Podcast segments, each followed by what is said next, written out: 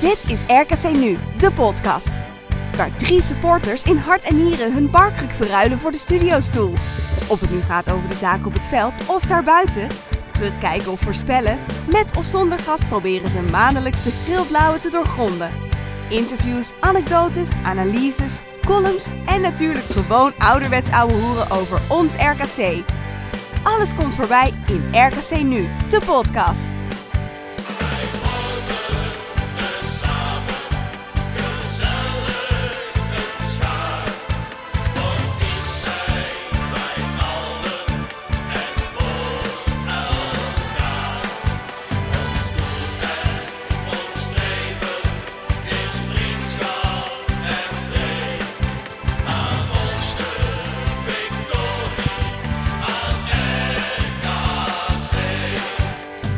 Ja, welkom bij weer een nieuwe aflevering van RKC Nu, de podcast. En dat doen we weer in... eh, nee, ik wilde zeggen doen we een oude vertrouwde opstelling, maar, maar juist niet. Ehm, Qua aantal wel. ja, qua aantal wel. En Ja. dan ben ik met z'n allen weer terug in de, terug in de studio.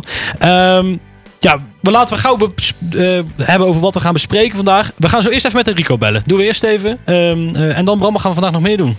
Ja, er is natuurlijk weer heel veel gebeurd. Hè? Dus we gaan het hebben over de laatste transferperikelen eh, die we allemaal op de socials al wel voorbij hebben zien komen. En eh, wellicht nog wat meer dan dat. We gaan het hebben over eh, de gespeelde wedstrijden en eh, de aanstaande play-offs. En eh, ja, de spelers komen nog wel wat langs ook. Ja, precies. En we gaan mijmeren over play-offs. Vooral over Mijmeren, ja. vroeger. En daar hebben we een expert voor, Robert. Ik heb er jou voor gekozen vandaag. Welkom. Dankjewel. Nou, dit gaat, dit gaat vlam worden. Eh, we gaan gauw door. Ja, we hebben niemand minder dan Enrico Dros aan de lijn hangen. Enrico, goedenavond. Goedenavond. Hoe hoe is het mannen? Ja, ik denk wel goed, of niet Bram? Ja, nee, zeker eh, Enrico. Maar eh, belangrijker denk ik, hoe is het met Enrico Drost? Ja, ja, ja, ja, ja. Ja, dat gaat eh, grandioos. Nee, gaat goed. Nee, ik heb geen last van het zwarte gat hoor. Ben je niet bang?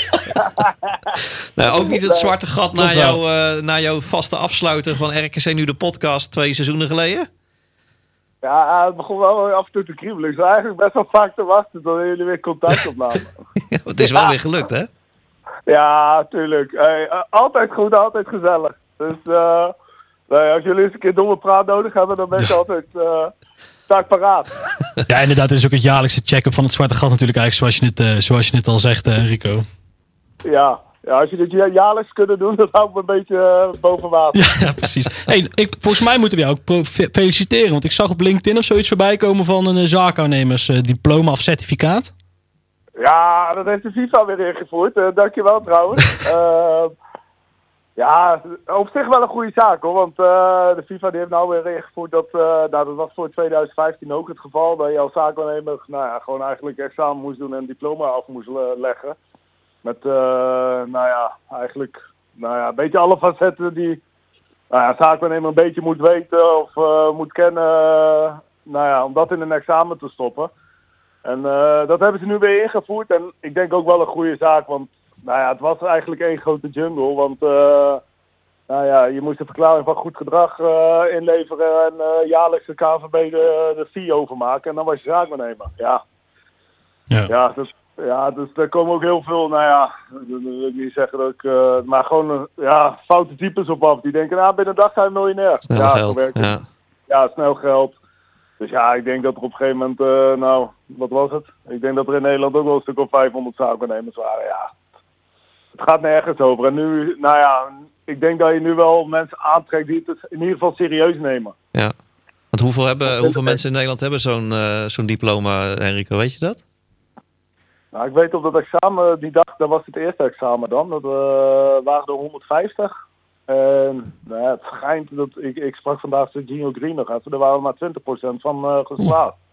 Waar, waaronder dus meneer de Rost. Eh, dan kun je toch zien dat het oortje dat goed is. Ja. Nou, goed bezig. Ja, maar ja, dat zijn wel mooie dagen. want ja, dus iedereen zit daar uit, eh, nou ja, dat doen de grote maar op uit Nederland. Eh, nou, die in ieder geval na 2015, nou ja, nog niet, of voor 2015 niet de diploma hadden, die moesten, eh, ja, die moesten het ook doen. Want anders mag je eh, na september mag je, nou, mag je het vak eigenlijk niet meer beoefenen. Of vak. Hè, mag je niet meer uitvoeren. Dus nou ja, Ali Doezoe zat er, ja, noem maar op. Nou ja, dus, eh, maar dat is wel mooi, dan zit je daar met al die gasten. Nou ja, ze, ze kunnen elkaars bloed wel drinken, maar daar allemaal high five en de knuffelen. Ah, leuk. ja, dat vind ik het mooiste. Huh?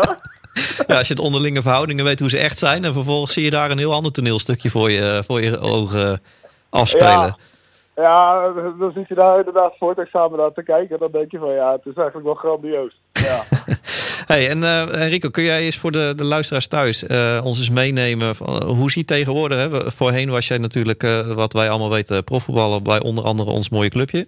En dan ben je ja. vooral bezig met een balletje op het veld en soms een dagje tussendoor vrij. Hoe ziet de werkweek er nu voor jou uit? Um, nou, het feit is wel, je kan het redelijk zelf indelen. Um, dus uh, maandag en dinsdag dan uh, werkt veel vanuit huis. Dan, uh, dan werkt de vrouw, die is er dan op uit. Dus dan nou ja, kan ik zelf vanuit huis nou, achter de laptop telefoontjes plegen. En meestal woensdag, donderdag en vrijdag dan nou, ga ik het land door of naar buitenland. nou ja, gesprekken met clubs, eventueel spelers. Nou ja, spelers die je al hebt. Natuurlijk dan eventueel met die clubs in gesprek om nou, in ieder geval in contact om eventueel contracten te verlengen. Nou ja, uh, of ze gaan niet door, dat kan ook. Nou, dan moet je weer op zoek naar een nieuwe club voor de jongens. Uh, nou, ja, nou ja, ik vind het wel belangrijk dat het niet alleen op voetbalgebied de begeleiding er is, maar nou ja, het kan op financieel gebied, uh, hypotheek, nou, fysiotherapie, nou ja, dat bied ik ook allemaal wel aan. En ik, nou ja, dat, heb ik wel eens gemist. Ik weet niet of nou ja, elke voetballer dat fijn vindt. Want ja, je vertrouwt natuurlijk wel iets toe. Wat misschien een beetje uh, privé is. Maar nou ja, ik denk als je een hele goede band hebt met je spelen. Dan, uh, nou dan zit dat eigenlijk wel goed. En dan uh, nou, kun je ze eventueel financieel begeleiden. Want dat heb ik echt wel gemist toen ik 18, 19 was. Toen ik net doorkwam bij Heerenveen. Ja. Ehm, dus ja, eigenlijk een beetje wat je als voetballer, uh, nou ja, de positieve en negatieve dingen die je, nou ja, van jouw zaakwaarnemer meekreeg of niet zag. Ja, dat kun je nou wel een beetje, uh, nou ja, gebruiken om, nou ja, de speler misschien goed te begeleiden, zeg maar. En dan zou ik ook niet alles goed doen natuurlijk, maar nou ja, je weet wel een beetje wat een speler fijn vindt of niet. Nou ja, dat is natuurlijk. Je hebt natuurlijk zelf de praktijkervaring meegemaakt. Hè? In je, nou, hoe lang heb jij uh, 13, 14, 15 jaar actief gespeeld? Ehm, ja, 16 jaar. Ja. 16 jaar, dus dan weet je natuurlijk wel uh, hoe het in de praktijk werkt. Dus dat kan je natuurlijk meenemen in de begeleiding van je eigen spelers. Ja. Hey, heb je dan ook een, een eigen groep uh, spelers waar jij zelf uh, eindverantwoordelijk voor bent? Om maar even op die manier te zeggen. Of hoe werkt zoiets? Ja, klopt. Ja, ja. Nu, even kijken. nu 11 spelers.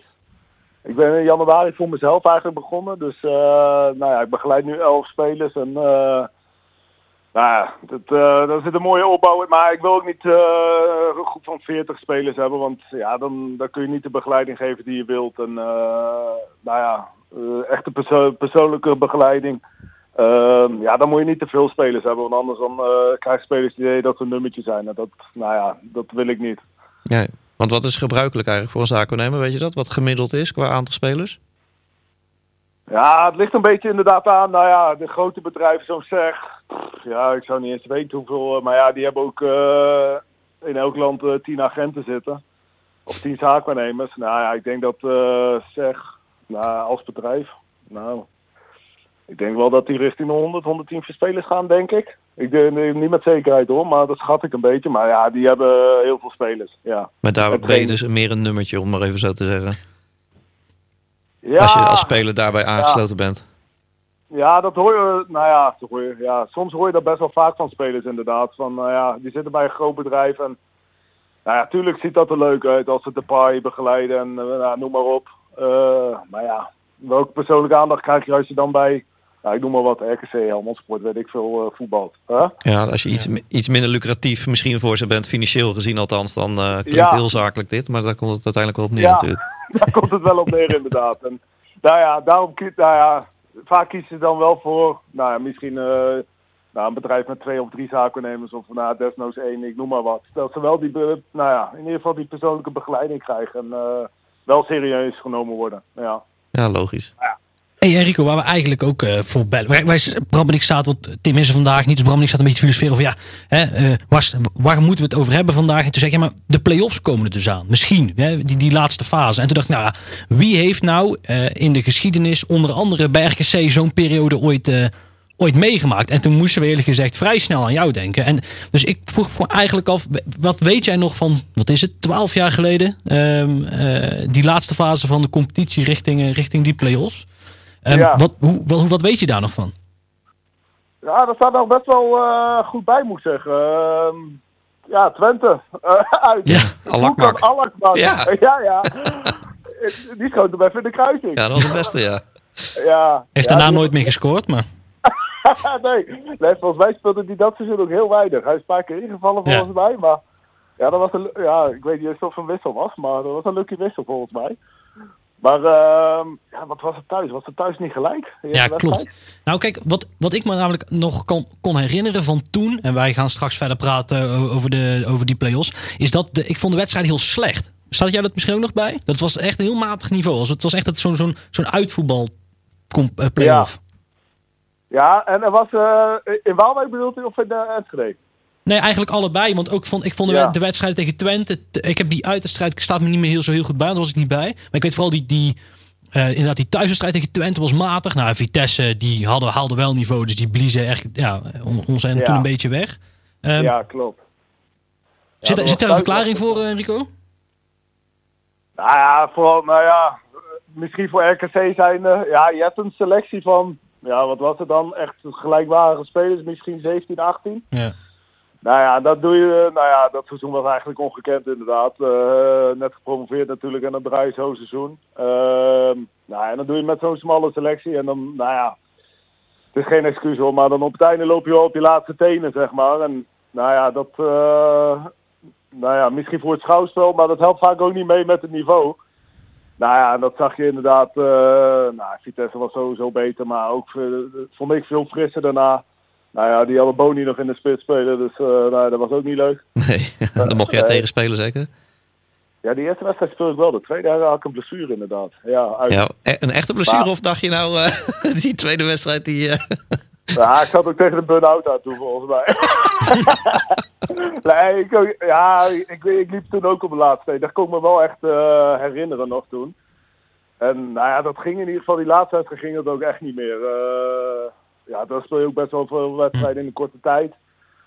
Maar ja, dat Boni, dat was, ja, dat was toen ook een eh, sensatie. ja, dat was een klasbak toen, ja. En, en in de competitie zelf, Rico, die laatste fase. Is, kijk je dan echt naar zo'n play-off uit? Of keek je dat destijds? Of was het van, werd het op een gegeven moment, ja, leuk dat je het haalt, maar het wordt wel een moedje? Nee, van ons, eh, vanuit ons eh, perspectief was het echt wel een, eh, ja, een mooi toetje. Ja, dat hou je niet vaak als RKC Ja. zijnde. Dus nee, bij ons was dat echt niet. Ja, ik snap inderdaad als eh, clubs als eh, Twente, Utrecht, ja, die zien het echt als een moedje. En nou ja, dat kan dan ook wel weer een voordeel zijn. Maar die clubs, ja, ja, ja, er is natuurlijk één plek nog te vergeven volgens mij dan. Ja, Ja. nu, ja, ja, plek 8. Ja, ja. En nou ja, voor, ja, voor die clubs is het een moedje. Je merkt wel als er dan de, de laatste wedstrijd is, dan is het stadion een beetje vol. Maar volgens mij bij Twente toen in Enschede zat ook bij lange na niet vol. Als Hey. ik me het goed herinner in ieder geval. Dan zie jij eh, parallellen, Enrico, tussen het team wat, eh, wat toen de play-offs haalde en eh, wat je dit jaar bij RKC ziet gebeuren? Ja, maar ik vind wel dat RKC nu een veel bredere selectie heeft. Ja, Ja. ja. met ja, spelers als ze erin komen dat het niveau niet veel verandert. Ja, echt eh, knap hoe RKC het doet. En eh, nou ja, dat ze in de winterstop matseuntjes halen, ja, dat was, eh, is een gouden zet geweest. Ja, die, Ja. Maakt, eh, die vind ik echt het verschil maken. Maar is het verschil tussen dit jaar en, en, en het jaar van jou, om maar even zo te zeggen, niet dat ehm, we nu een aantal spelers hebben die er persoonlijk ook wel bovenuit steken? Ja, Terwijl Ja. eh, de kracht, denk ik, van het team van jou toen was dat het echt een, een, een collectief met elkaar was. ja klopt. Ja. Ja, dat is ook zo. Ja, ja, en ik vind het nu ook wel echt een team. Maar je hebt Ja. inderdaad een paar uitschieters die gewoon het eh, niveau... eh, nou, eigenlijk eh, beneden hun... Ja, dat doe ik niet verkeerd, maar beneden hun niveau spelen. Ja, dat vind ik ook. Ja, Ja, zo'n steuntjes. eh nou, ik vind Anita het ook nog steeds heel goed doen. Michiel. sorry? Michiel Kramer natuurlijk. Ja, Michiel Kramer die het echt geweldig doet. Nou ja, die Sean Adeboye, die Ja. ontwikkelt zich echt sterk. Die zal ze, ja, als ik club was zou ik die heel snel ophalen. Gary ontwikkelt zich goed. Eh zelfs nog op deze leeftijd, die heeft een goed seizoen gehad. Ja, ik vind het echt, eh, ja, echt heel knap. En eh, nou ja, dan zie je ook wel de hand, nou ja, de hand van de trainer klinkt ook heel interessant. Maar ja, die doet het gewoon heel goed. Die eh, maakt het niet te moeilijk.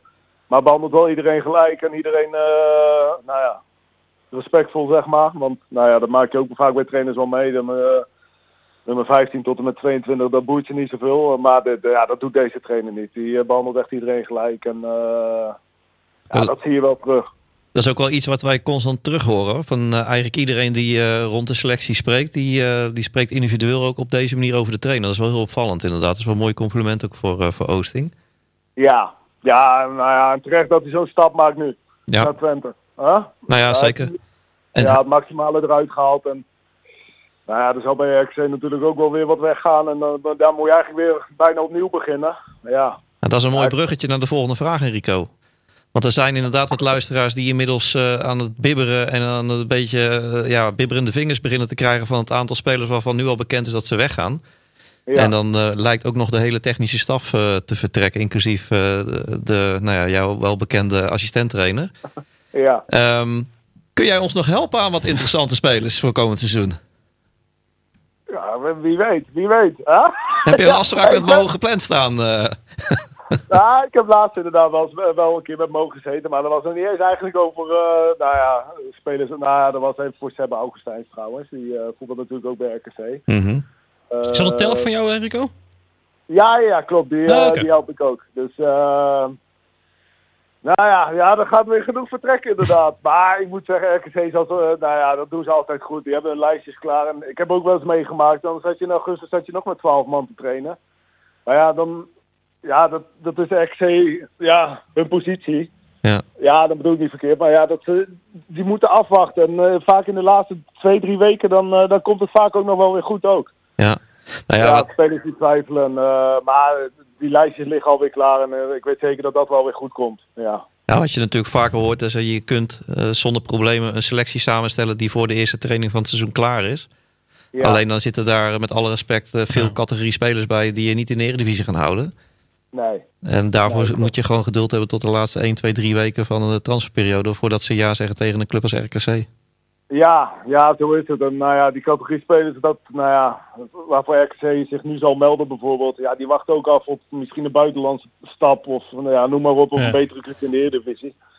Nou Ja, dan zitten ze toch vaak wel mis. En dan, nou ja, uiteindelijk dan, eh, nou ja, tekenen ze toch bij RKC. En nou ja, dat heeft dit seizoen ook goed uitgepakt met een eh Pelle Clement of, eh, nou ja, noem eigenlijk maar op. Die op het laatst nog allemaal, nou ja, aankomen waaien, zeg maar. Ja. Maar Maar ja, daar is het helaas af en toe wel wachten op. En ja, natuurlijk is dat wel frustrerend. En ook voor, nou ja, dat vond ik zelf ook altijd irritant als speler. En je wilt toch een bepaalde basis hebben om het seizoen in te gaan. Maar ja, Ja. ja. het is niet anders. Maar is het dan ook zo dat het eigenlijk niet zo heel veel uitmaakt als je je heel vroeg veilig speelt? Want dat hoor ik hier ook een beetje uit. Of trek ik dan een verkeerde conclusie? Eh ik bedoel, zeg maar dat je dan al kan gaan kijken en versterken. Ja, bijvoorbeeld. Kijk, ja, nou is Ja. de RKC natuurlijk is de play-offs is nog een vraag. Maar goed, sta je met Go Eagles, met nou veilig. Drie wedstrijden voor het einde. Ehm, Ja. Dat maakt dan eigenlijk niet zoveel uit dan, denk ik, voor selectiebeleid, denk ik. Nou, nee. Ja, je kan wat eerder wel gaan bewegen op de markt. Eh, nou ja, nu voor Mo Hallag en eh, Frank natuurlijk. Maar ja, bijvoorbeeld een eh Emmen, ja, die kan dat nog niet. En Excelsior. En nou ja, dat voordeel heb je wel. Maar toch zit je altijd wel een beetje met die clubs. Nou ja, Excelsior misschien wat minder. Maar ja, bijvoorbeeld met een Emmen zit je wel tussen, ja, te zwemmen in dezelfde vijver, Ja. zeg maar. Of te vissen bedoel ik. En eh, ja, dat, ja, dat is af en toe wel het lastige. Maar ja, je kan wel eerder de markt op. Dat zeker. Ja, Alleen- maar met geen resultaat dan. Nog. Ja, Jeroen Houwer. Nee, vaak, nee, nee, vaak niet. Ja, kijk, zo'n eh, Jeroen Houwer die ze nu vastleggen. Ja, dat, ja, daar zijn ze waarschijnlijk al lang mee bezig. En nou ja, dat is natuurlijk met oog op Etienne of, of als Ja. tweede keeper. Ja, dat, eh, ja, dat is niet zo heel verrassend, zeg maar. Maar ja, echt die echte versterkingen, ja, dat, dat zal toch altijd een beetje eh, ja, moeten afwachten. Nog één vraagje voor jou, Enrico. Wat vind je van de Ja. nieuwe trainer? Ja, is die al rond? Nou ja, je weet wie we bedoelen, toch? Of niet? Begin met F de achternaam. of niet? Ja, ja zoiets ja. Stijf Franken, wat? Ja, ja, ja, ja, ik denk inderdaad gewoon een goede trainer. eh, ja, is natuurlijk wel wat grotere clubs, nou ja, grotere clubs, ja, grotere clubs gewend.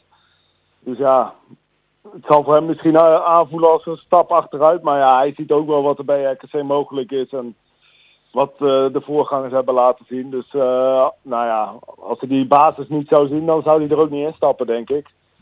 Nou ja, en ik weet, uh, Mo Allah begeleidt hem ook trouwens. Of zijn, van dezelfde zaakwaarnemer. Hakim Silemani, die heeft Mo Allah en die heeft Henk Vrezer ook. Oké. maar ja, wel een, gewoon een prima trainer en nou, duidelijk. ja, ik denk gewoon een goede voor RKC. ja. En dat past op zich ook wel in het rijtje. Hè? We zijn natuurlijk goed om uh, spelers uh, met een krasje weer uh, terug op het pad te krijgen. Ja. En misschien is dat bij Fraser ook wel het geval, alleen dan op trainersgebied. Ja, ja, klopt. Ja, ja. Hij heeft een krasje gekregen natuurlijk. ja, ja. nou, daar gaan we maar verder niet op in. Er zijn meer met krasjes dan misschien geweest in die situatie. Maar... Ja, precies. ik snap ook wel dat je als trainer af en toe bloed onder je nagels krijgt van die spelers. Dus dat, dat verbaast me af en toe niet. Nou ja, we zijn allemaal mensen ook, hè? Dus dat scheelt Ja, ook. daarom. En, nou ja, het is misschien uh, een foutje geweest. Maar ja, voor de rest, uh, in de media is hij altijd keurig. En, uh, nou, Prima uithangbord voor de club. Trainen. Ja, ik denk een goede opvolger voor Oosting. Yes. En Rico, mogen we jou hartelijk bedanken dat je de tijd even wilde nemen om weer ons te joinen in de uitzending. Altijd goed. Succes. En ik hoop dat jullie nog een mooi toetje krijgen. Ja, dat hopen wij ook met z'n allen. We gaan ons volgen. En succes, succes met klussen. Ja, zeker. Komt helemaal goed. Hartstikke bedankt. Hou contact. Groetjes, hè? Top, bedankt, ja, Rico. Hi. Ja, dan gaan we verder. En dan gaan we vandaag denk ik verder bij de gasten van vandaag. Robert, welkom nogmaals. Kijk of de microfoon inmiddels goed staat. Ik, uh, ik hoop het. Dat ja, dit, ja. Uh, we hebben het uitgespeeld. Yes. Nee, het is voor iedereen altijd even wennen hoor. Dus no, uh, no worries. Het belangrijkste is dat je in de microfoon blijft praten. dat doen we. Ja, dan hebben we ooit een keer. Ja, goed. Een leuke anekdote van iemand die altijd zo zat te praten. En toen die kant op zat te praten. En toen weer zo zat te praten. En dan ik, Tim, die had op een gegeven moment een zere linkerpols van de hele tijd dat knopje open en dicht draaien. Nou goed, lang vooral kort. Um, ja, Robert, laten we met jou beginnen. Um, ik denk dat de mensen die jou kennen. Zullen, ja, je hebt, je hebt, jij loopt, komt al heel lang bij RKC, toch? Ik, uh, ik loop er al wel een tijdje rond, ja. Heb je, hoe lang? Ik uh, ben nu ja, ruim 20 jaar vrijwilliger in ieder geval bij de club. Uh, in dit geval bij de Kids Club. Voorheen ook begonnen als, als lotenverkoper. Dat werd toen gedaan als je vanuit de amateurvereniging nog als actief lid was. Dan mocht je loten verkopen bij de, bij de wedstrijden van, het, van de selectie. En van het een is uiteindelijk het ander gekomen. Dus ik denk dat de meeste mensen die kinderen of zelf bij de Kids Club hebben gezeten, mij, mij wel herkennen. Ja, en los even daarvan heb je natuurlijk ook nog een ander verleden wat gerelateerd is aan RKC Waalwijk. Kun je daar eens wat meer over vertellen? Ja, doelt op mijn alter ego. of het gele leger. Oh, het gele leger. Ja, ja, ja dat klopt. Ik, ik heb samen met een aantal vrienden een hele tijd het gele leger bijgehouden. Wat een beetje de voorloper is van, van RKC nu. Ja, dus daar, want dat, niet iedereen misschien die luistert kent het, hè? want er zitten natuurlijk verschillende leeftijdscategorieën ja. te luisteren. Kun je een beetje vertellen wat, wat jullie zoal deden toen? Ja, we waren ook een, net als jullie een supporterswebsite, maar wel in een, uh, in een andere tijd. Uh, dus we hadden vooral nieuwsitems. we hadden een, een stukje getracht een, een historisch stukje op te richten. Dus foto's van, wat oude shirts en, en dat soort dingen is niet altijd of niet volledig van de grond gekomen zoals we het graag hadden gewild. Maar en daarnaast de, de, de nieuwtjes en, een, uh, en het gastenboek was een veel, veel bezocht item, zoals nu het forum bij jullie. Ja. En we hadden een kopje Gele Leger TV. Ja. Dat is een, ja, een YouTube kanaal waar een, a- nog, ja, een aantal oude filmpjes op voorbij kwamen. En waarbij Tim, een van de de medebeheerders van de site uh, filmpjes uh, opposten vanuit uh, het stadion, sfeerbeelden of goals vanuit een penalty of net wat. Dus je stond in plaats van de wedstrijd te kijken, standaard content te maken. Ja, eigenlijk. content te maken bij oh, een gevaarlijke aanval, hup, filmen. En dan hopen dat hij een keer een goal erbij had. Dus die, die dingen die, zijn denk ik nog steeds wel zichtbaar. Ja, ja. Nee, ik kan me nog herinneren dat ik heb wel eens af en toe zo'n nostalgisch middagje.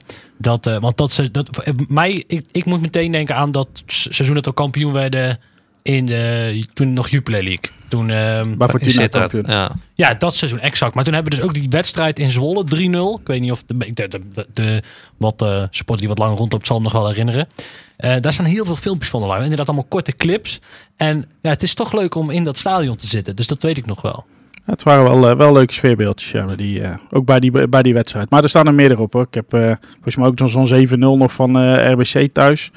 Daar zag je ook, eh, daar zijn ook een heel hoop filmpjes van eh, met sfeerbeeldjes en eh, uiteraard veel goals. En waar kan, als, als iemand dit nu hoort en denkt, hé, hey, maar dat wil ik zien, waar kunnen ze dat terugvinden?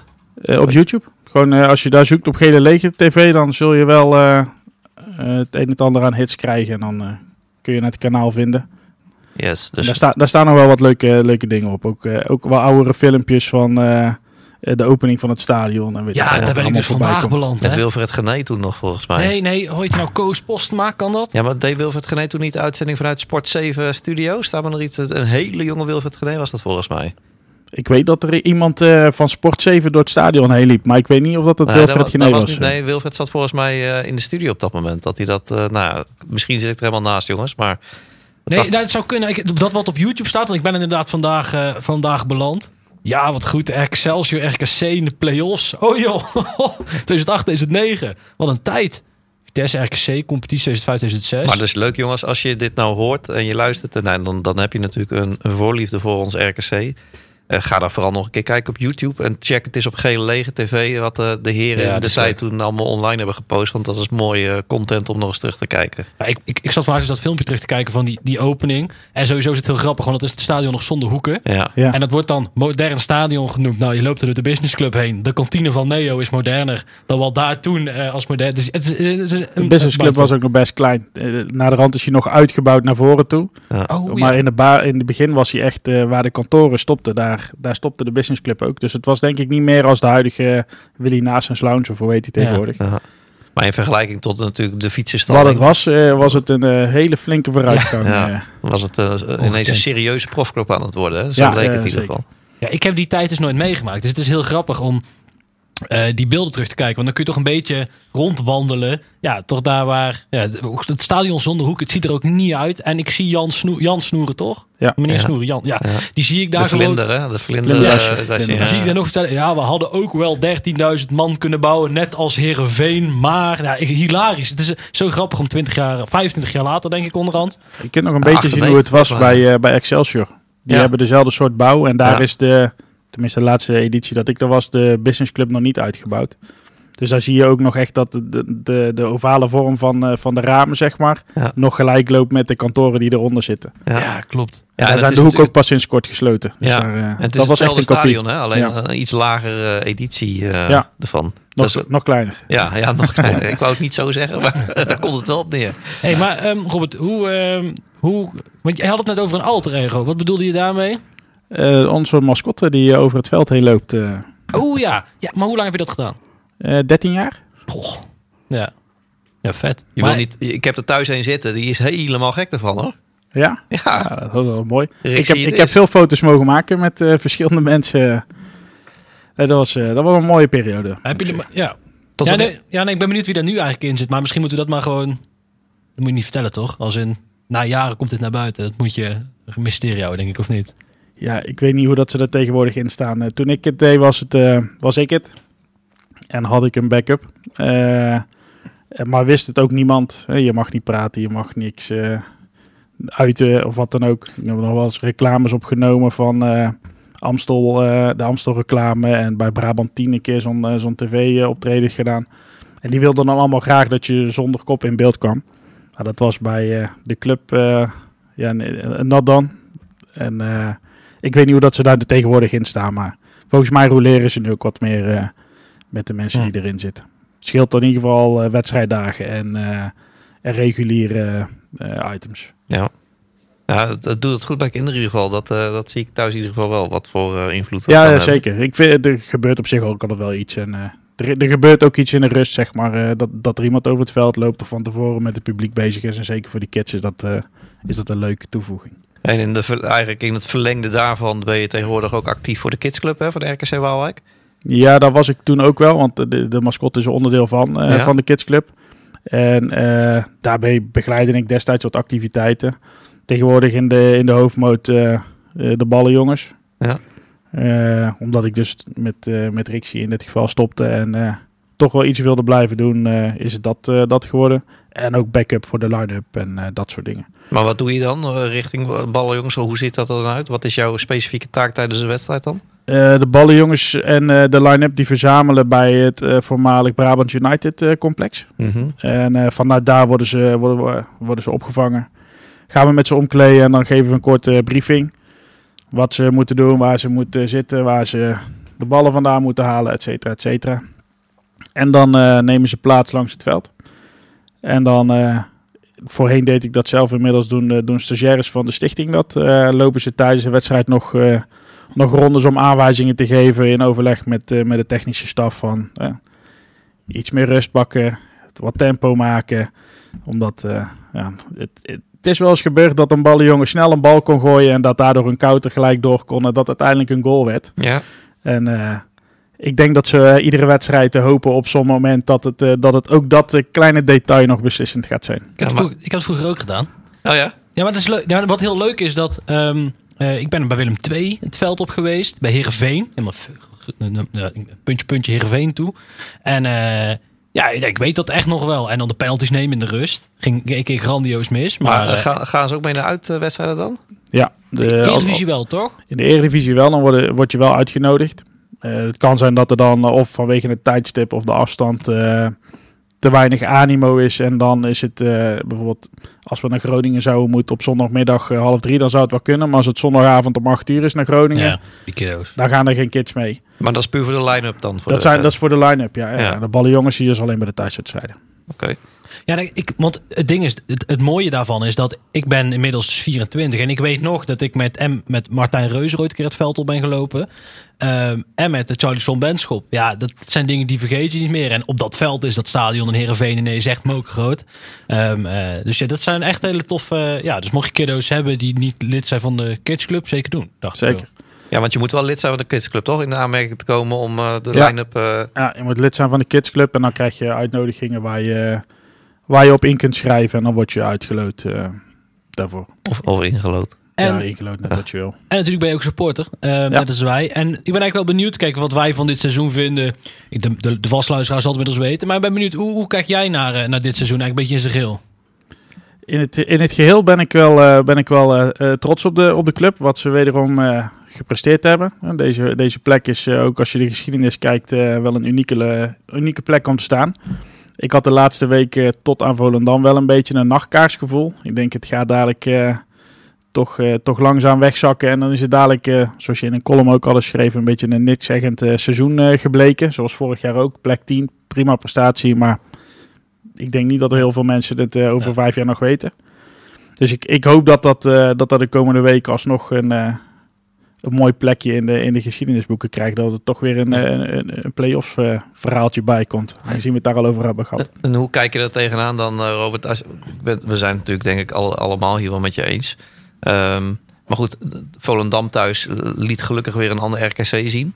Ja. Dus dat geeft weer hoop om toch die plek achter te willen halen. Maar hoe, hoe sta je dan tegenover als je eigenlijk in... We zitten nu helemaal in die hete fase, om maar zo te zeggen, waarin het moet gaan gebeuren. En ondertussen zie je allerlei dingen op social media verschijnen van spelers met shirts van andere clubs. En, en, en mensen die zijn gaan praten daar en daar. Die dus eigenlijk al, want dat kan niet anders. Dan ben je dus in je hoofd natuurlijk al heel erg aan het afwegen geweest. Wat ga ik volgend jaar doen? Ja, 100%. Eh, maar hoe kijk je, eh, vind je dat lastig te rijmen met elkaar? Of vind je dat onzin? Is het gewoon, eh, denk je dat ze professioneel genoeg zijn om dat te scheiden? Hoe, je, denk je je erover? zou zeggen dat ze professioneel genoeg zijn. Maar mijn gevoel zegt wat anders.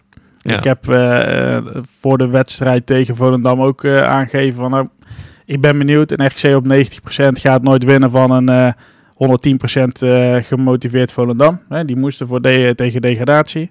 Nou, gelukkig liep die wedstrijd anders. Maar ik, ik heb toch ergens het idee dat er toch een, een bepaald percentage scherpte mist. Omdat ze toch al ergens anders zijn. En dan zou een Volendam of Groningen eerder het net niet kunnen om het bij te draaien.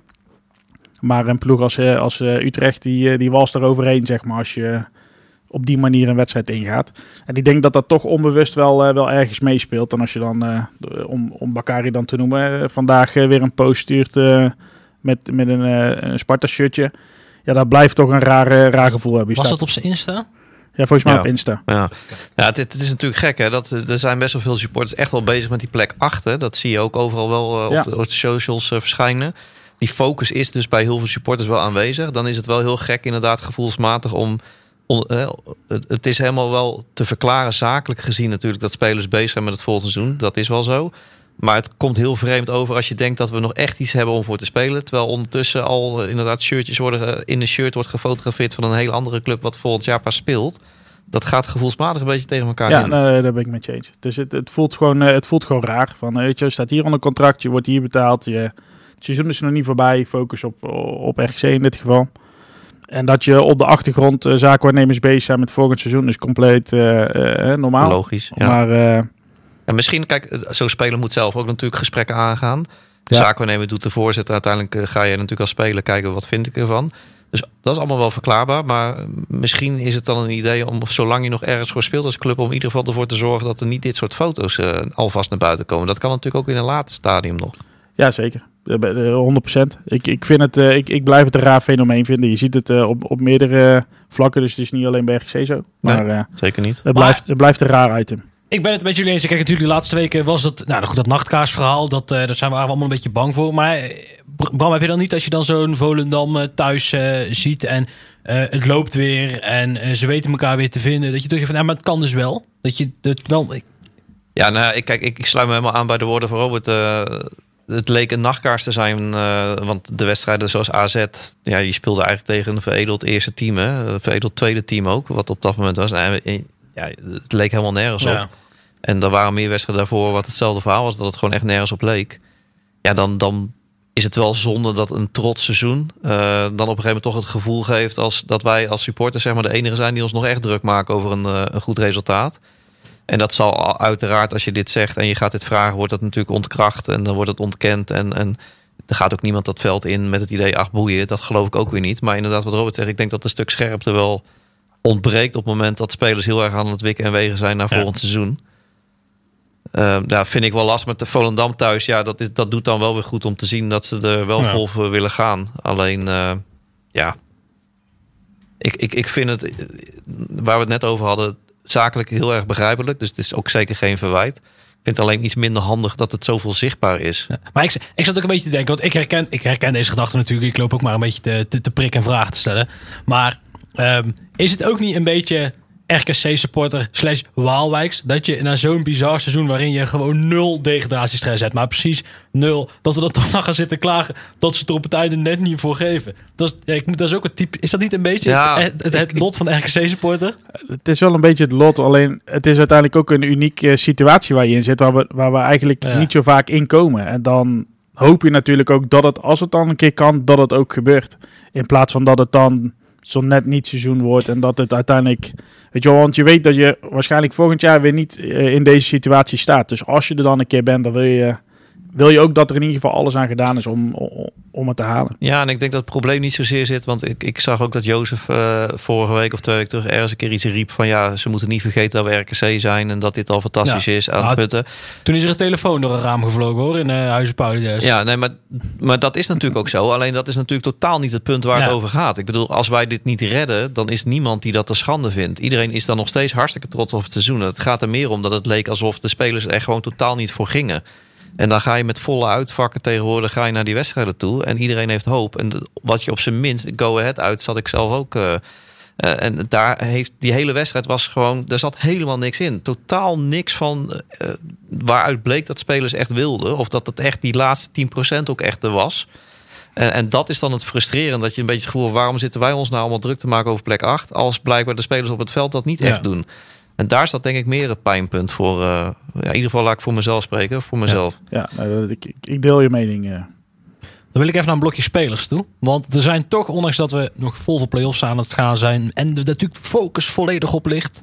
ehm, eh, ja, hoor de ironie. Ehm, eh, toch een paar spelers, eh, eh, hoe heet het? Transfers. eh, ja, even verplaatsingen. Ik kan even niet het luxe woord vinden, dat zou wel. Oh.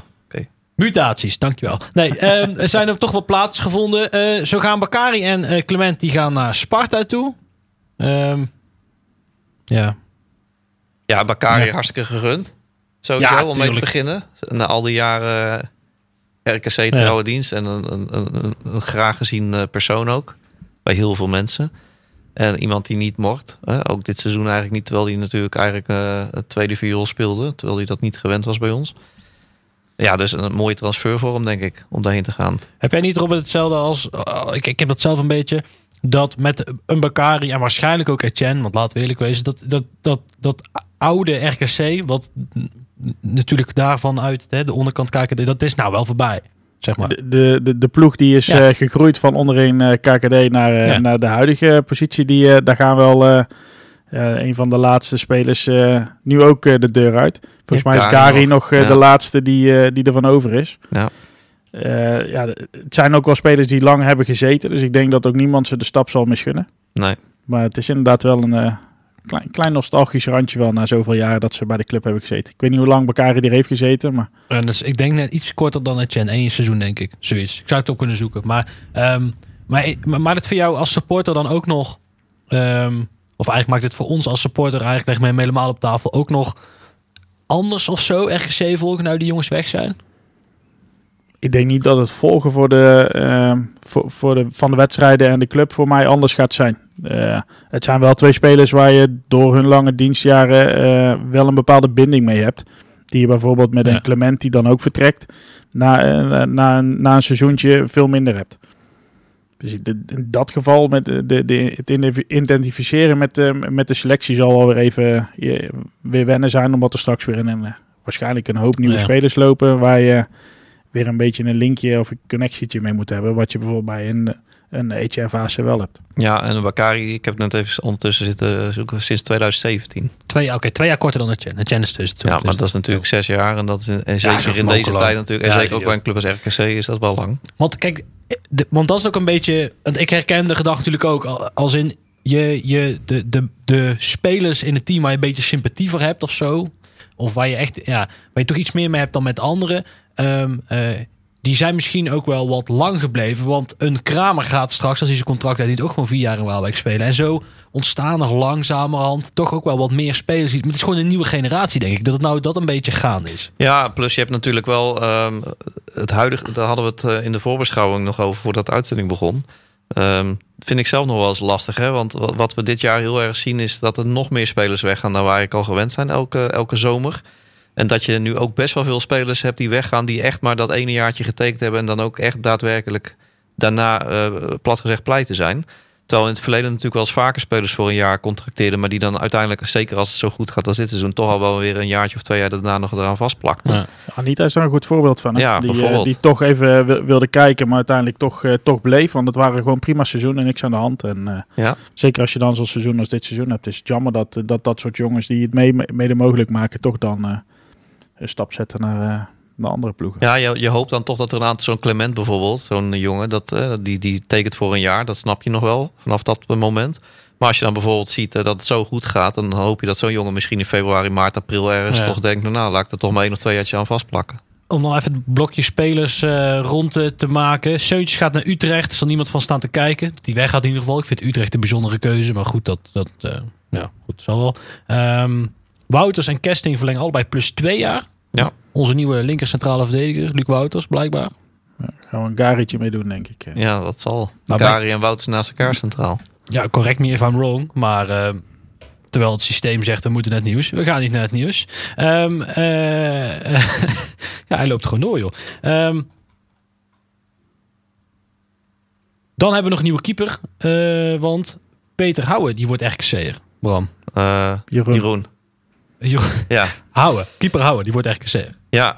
Nou ja, dat heeft alle schijn van. Laten we nog een beetje slag om de arm nemen. Want het is volgens mij nog steeds niet officieel uh, kenbaar gemaakt. Maar goed, die gaat wel komen.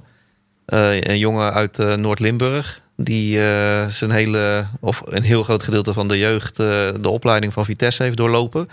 en ook bij Jong Vitesse en bij de selectie ook onder andere heeft samengespeeld met de ons bekende Julian Lelyveld. Dus ja, is een, een hele leuke vent trouwens. Dus dat is wel, wel positief. Uh, een keeper die uh, zijn ups en zijn downs heeft. Ik vergeleek hem een beetje met Fase tot een paar jaar terug. Fantastische wedstrijden, maar ook af en toe van die flaten. Ik denk, hoe kun je in hemelsnaam? Uh, en dat is een beetje Jeroen Houwen. Oké. Okay.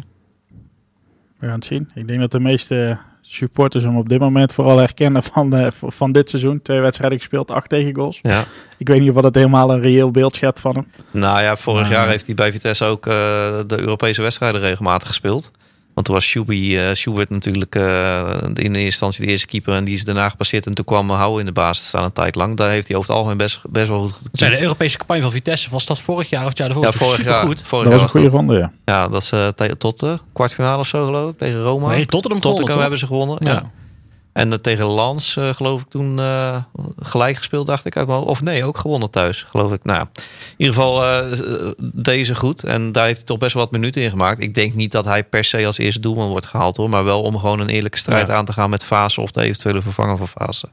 Ja, maar ik, ja, ja, de vervanger van Vaas, toch? Ja, ik zeg maar, die jongen die heeft zoveel opties en keuzes. Ja, die eh, gaat dat. Ja, zeg maar, we kunnen wel doen alsof het niet zo is, maar... Die gaat ja, weg. ja, Ja. top. Maar we net eindigden met eh, de spelertjes. Ja, moeten we toch echt over de technische staf gaan hebben. Bram, totale leegloop dreigt. Maar eventjes Nou ja, goede, goede dreigt, letters. dreigt is al niet eens meer, hè? Denk ik. Nou, maar totale leegloop. Ja, dan. nee, kijk, je weet natuurlijk dat het bij sowieso in de voetbal gebeurt dit. op elk niveau. En RKC is natuurlijk bij uitstek de club waar je weet dat, eh, dat er ook altijd weer heel veel spelers weggaan.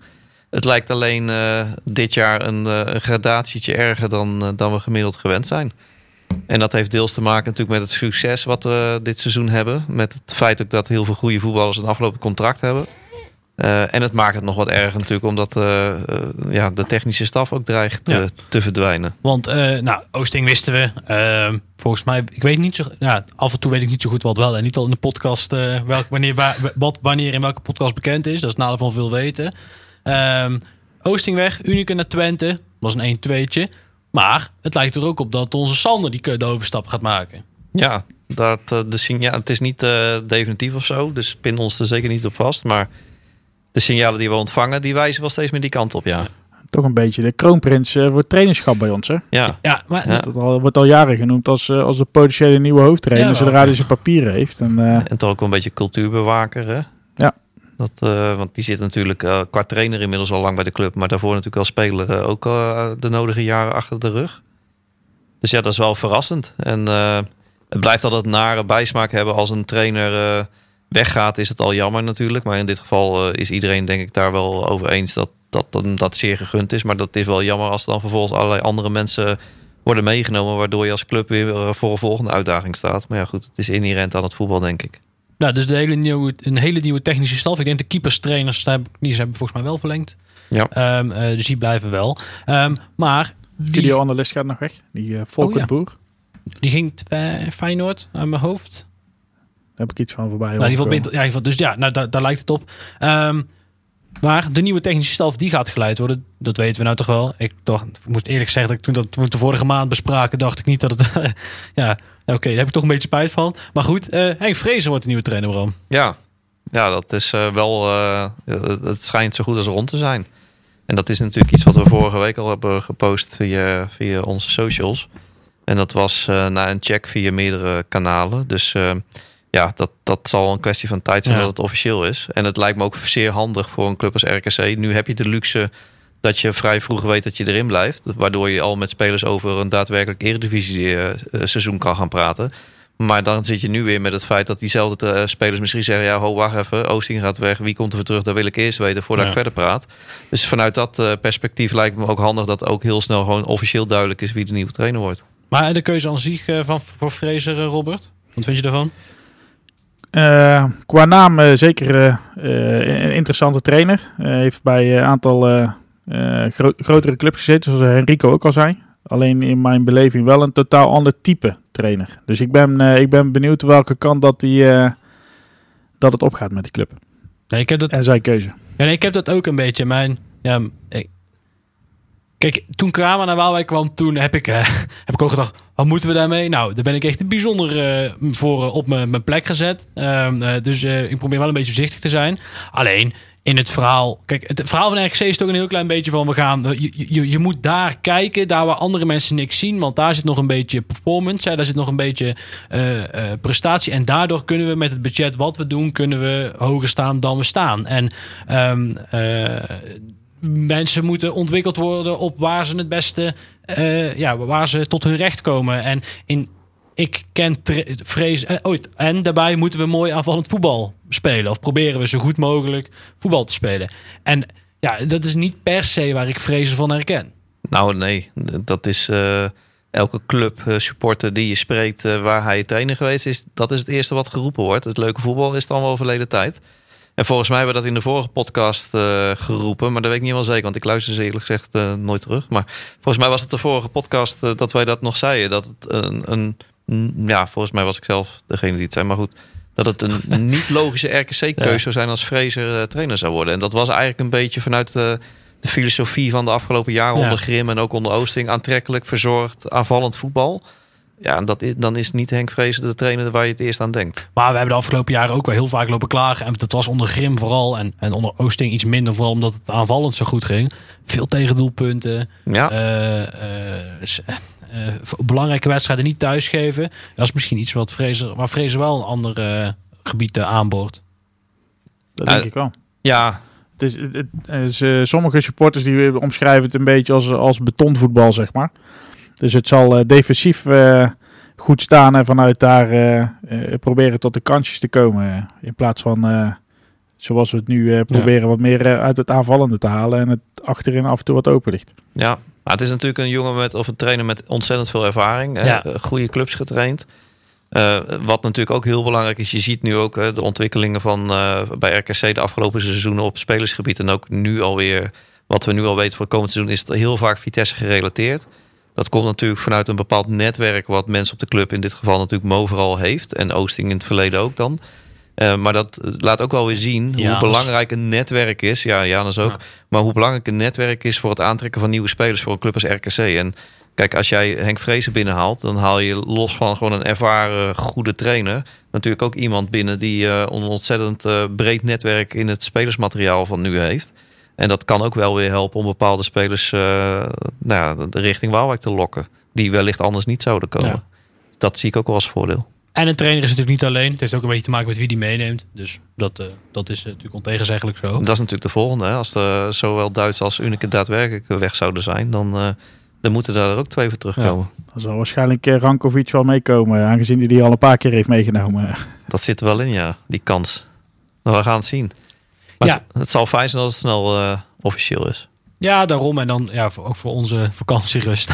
voor, voor ons, voor, voor potentiële spelers, dat de duidelijkheid ook is. Ja. En, eh, Ja, het zal een het goede zou zaak fijn zijn. zijn als, eh, als er ook, eh, ondanks een aantal vertrekken, ook eh, dit soort nieuws even kan komen. Maar eerst play-offs. En, dat gaan we, en dat, die weg die, eh, die ging afgelopen maand langs een paar wedstrijden. En laten we er even toch in, in semi-vogelvluchten doorheen eh, vliegen.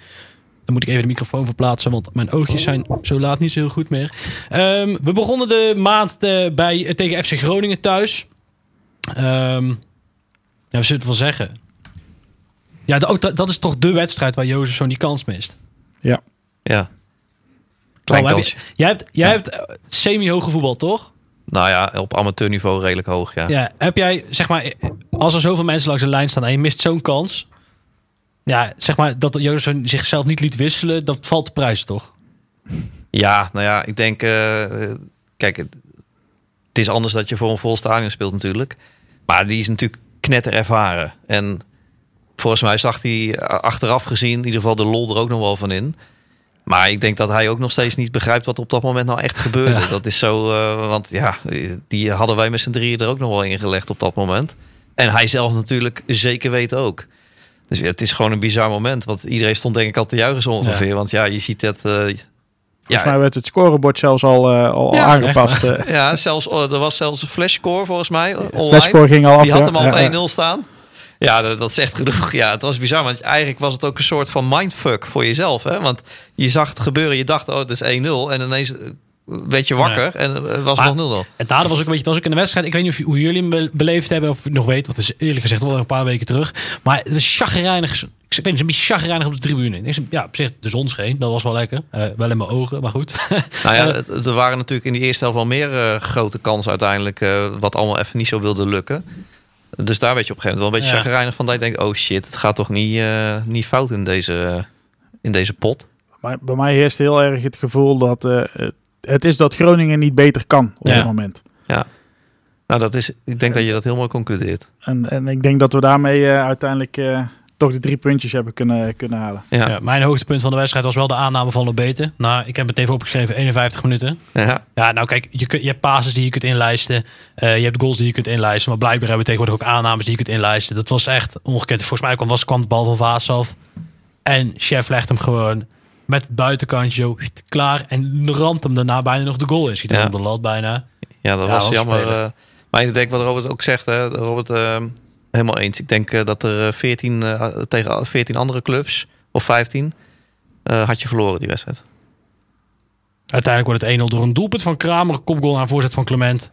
Mag Pepi nog 1-1 maken uit een kopbal. En uiteindelijk is een penalty die ook weer Kramer benut. Door Visito Lobete overigens had er een... eh, Ook trouwens over Pepi gesproken. Ook wel knap hè, wat hij laat zien bij een hopeloos Groningen dit seizoen. eh, toch geloof ik 13 eh, goals er op dit moment in liggen. 12, 13. Nou, ik zat laatst een podcast knap, te hoor. luisteren. Welke was het nou? Ik weet het niet meer. Maar daar ging het over. Nou, hoe vaak gebeurt het nou dat de topscorer of een topscorer of iemand, want volgens mij is de topscorer staat op 16, Ja, 13 zoiets. zei je. Nou, ehm, dat hij bij zo'n lage club speelt. Maar je had natuurlijk die Jai Kouma- Jai Koumakis, die Griek bij V- Ja, VVV. VVV, Die won de ja. tweede helft seizoen zelf helemaal niks meer. Maar hij heeft er wel 24 gemaakt. Dat ging echt nergens over. Ja, Pepi staat op 12, gelijk met Kramer. Of 12, ja. Ja. ja. wat echt heel knap is. Ja. En eerlijk is eerlijk. En PSV wil hem volgens mij ook niet voor niks, eh, niks eh, hebben. En eh, ja, ook daar houdt Vaas hier weer enorm op de been. Dus die jongen die gaat, eh, ja, nou goed. Daarna kwam de frustratieput pot van deze maand, denk ik. Go Ahead Eagles uit. Eh, ja, we begonnen met die wereldgoal van Kramer na acht minuten. Ja, gruwelijke goal. Ja, Maar die verbloemde wel eigenlijk alweer het begin. Ja. Het, het leek een beetje een, eh, of dat het doorliep zoals het tegen Groningen Ja. was. Alleen dan tegen een ploeg die wel beter kon. En eh, de 1-0 die verbloemde voor mijn gevoel in ieder geval het, eh, het slappe begin weer eh, wederom. ja dat, dat, dat is denk ik ook de enige juiste conclusie. Het leek helemaal nergens op. En dat terwijl je weet dat Go Ahead eh, het ook vooral van inzet moet hebben. En zeker Nou, thuis. vooral van inzet, ja. Ja, en de Adelashorst thuis is natuurlijk eh, een en al sfeer. Dat weet je ook, dat is een gegeven. Dus je weet dat die gasten erop knallen. En die moesten natuurlijk nog winnen om echt een soort van veilig te zijn. Ja. Ja. En dan sta je daar als een slappe hap te voetballen. Want na die eh 0-1 was het natuurlijk... Het prijsschieten. Ja, het was echt... eh, Na 15 minuten inderdaad wordt het 1-1 door Lindhorst. De 2-1 valt nog geen 7 minuten later in de 23e minuut. Een del vanuit de tweede lijn weer weinig druk op de bal. En eh, je, voor rust kan je zo met 3 achter komen. Omdat Seutjes een bal probeert aan te nemen met, de, met zijn elleboog. Eh, dat was ook een penalty. Eh, dat was voor jouw neus denk ik, of niet bro? ja, klopt ja. Die ja. schoot hij het stadion uit. Uiteindelijk na 55 minuten wordt het wel 2-2. Ook weer Kramer na de hutskluts. Ehm mooi tegendraads ingeschoten. Maar dat was het frustratie, frustrerend aan die pot. Je speelt in principe speel je een uur slecht. Maar blijkbaar heb je als RKC de kwaliteit om dan gewoon om 2-2 te staan. Ja, en ik weet niet, dan zit je ook weer chagrijnig voor de... Misschien is het tentamenstress, daar zat ik toen middenin. Maar dan zit je toch weer chagrijnig voor de tv. Ja, nou ja, vooral natuurlijk het moment waarop je verliest is zuur. Dat eh, echt helemaal op het eind. Als je heel eerlijk naar de wedstrijd kijkt, dan was het terecht. Ehm, alleen ik vind het wel grappig, want zo'n Kramer, ook hoe hij die 2-2 weer maakt, zo droog. eh kans bam erin en die stond ineens 2-2. Dus sloeg eigenlijk helemaal nergens op dat je 2-2 kwam. En dat is denk ik ook een beetje als je terugkijkt naar dit seizoen. pardon, dat je ehm, echt wel heel veel slechte wedstrijden eigenlijk gehad hebt hoor. Als je heel kritisch naar de wedstrijd kijkt. Maar dat we dit seizoen zoveel kwaliteit voorin hebben gehad. Ja. Dat als je het omzette en we gingen aanvallend voetballen, dat er zoveel spelers waren die een goal kunnen maken. Dat dat ons ook heel vaak in dat laatste kwartier, half uur gered heeft. Maar dat had hier net zo goed gekund. Want Ja. als je Lobete verdient na een uur gewoon een penalty. Je, je, je kunt er lang voor. Dat is gewoon dat daar geen penalty voor gegeven wordt. Dat vind ik nog echt steeds. Dat vind ik echt bizar. Ja.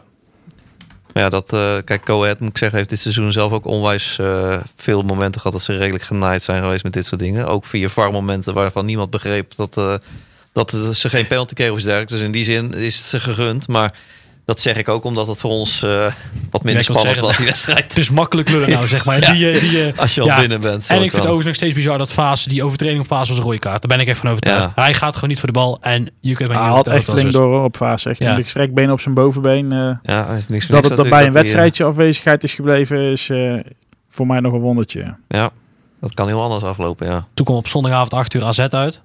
Ja. Ja, de, ja hoe zeg je dat? Ja, van tevoren had ik zoiets, omdat er een aantal belangrijke spelers bij AZ niet meededen. En AZ is natuurlijk dit seizoen best wel wisselvallig. Dus ik had nog best wel hoop.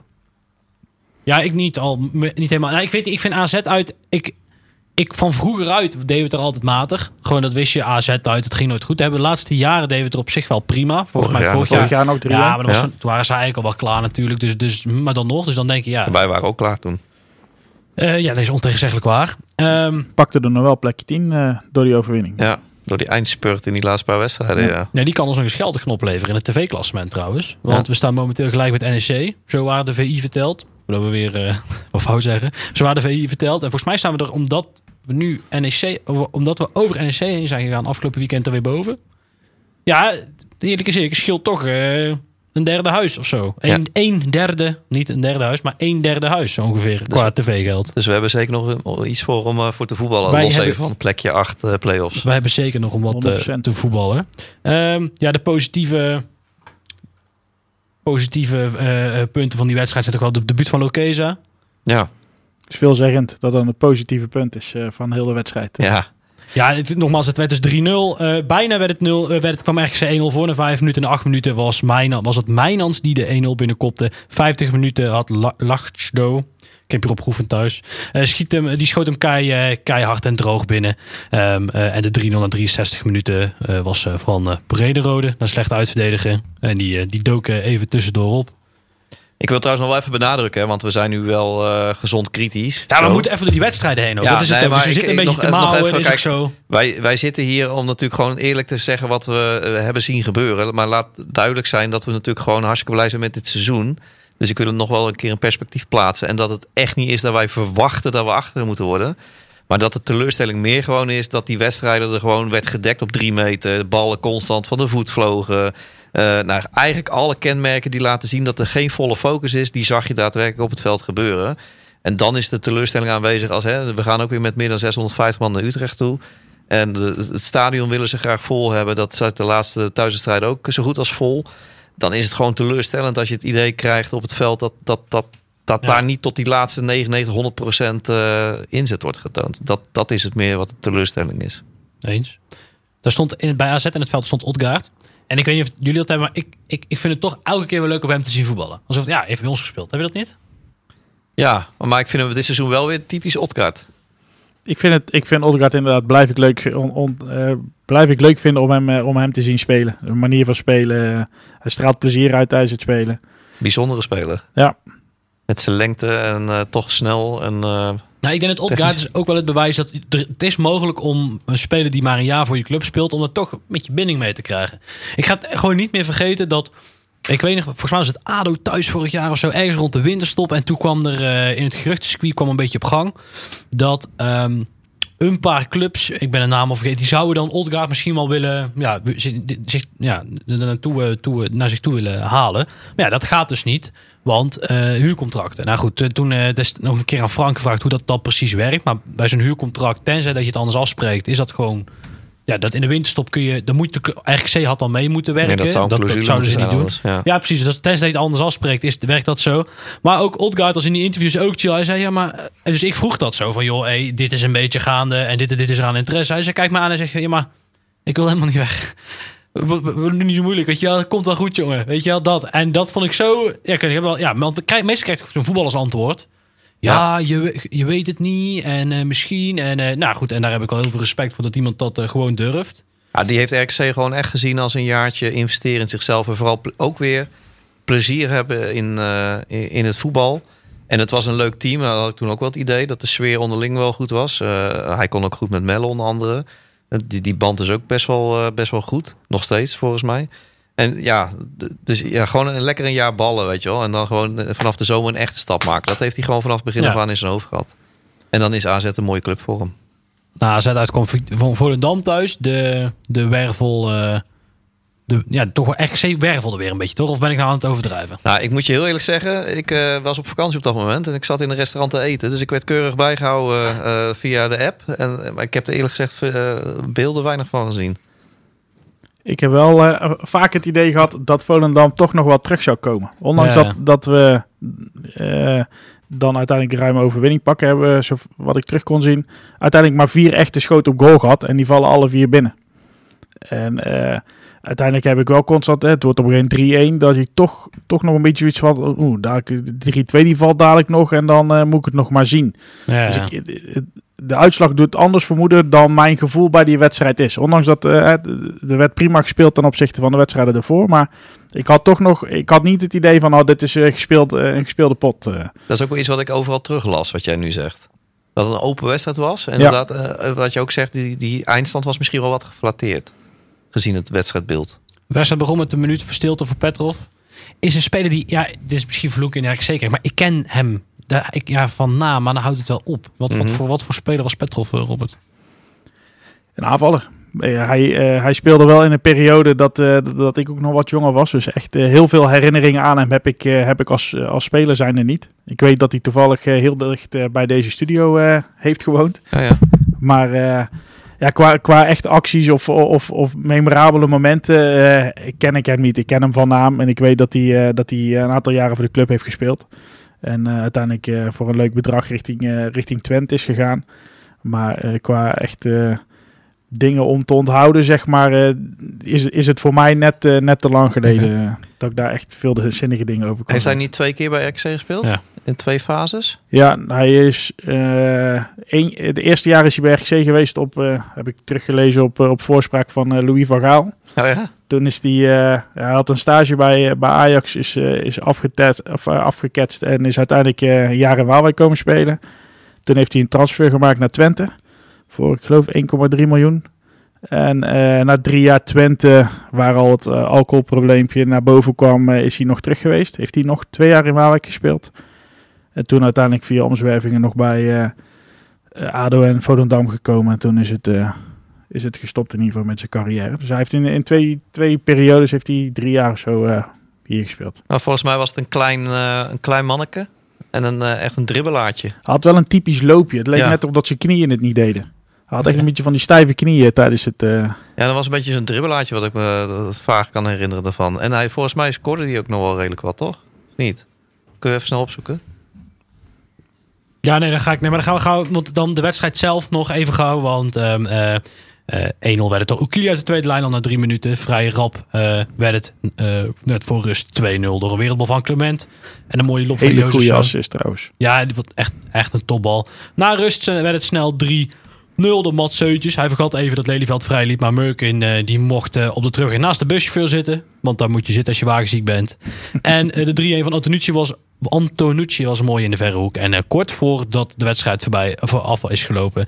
eh, ja, niemand anders dan Lobete zet zelf de aanval op met Bakari. En schiet de 4-1 eh, schiet de 4-1 binnen. Kom ik nog even terug op wat we net Ja. over Het is trouwens een Oekraïner, zie ik nu. Hij is geboren in, eh, ja, toen de tijd was het natuurlijk Sovjet-Unie nog, denk ik. Maar Ja. het zou nu een Oekraïner geweest zijn. Hij heeft in zijn eerste periode bij, eh, bij RKC in 95 heeft hij, eh, 73 wedstrijden gespeeld eh, en 10 keer gescoord. En in zijn tweede periode staan hier maar vier wedstrijden in ieder geval. Wat ik hier lees, in Ja. 98. En daarin scoorde hij wel twee keer. Oké. Ja, dat hij ergens brons was uitgekozen. Maar af, hè. Ehm, ja, en ander, nog een lichtpuntje van die wedstrijd bij Volendam. Eh werd ook over geschreven. Ja, is Bakali. Die had een blikje Red Bull op van tevoren, denk ik. Want die bleef maar lopen. Ja, nou, die heeft in ieder geval zijn best gedaan om weer eh, te laten zien dat hij graag wil, denk ik. Maar ook een van mijn houvasten voor volgend jaar. Als ik eerlijk ben. Ja, nieuwe trainer, nieuwe kansen.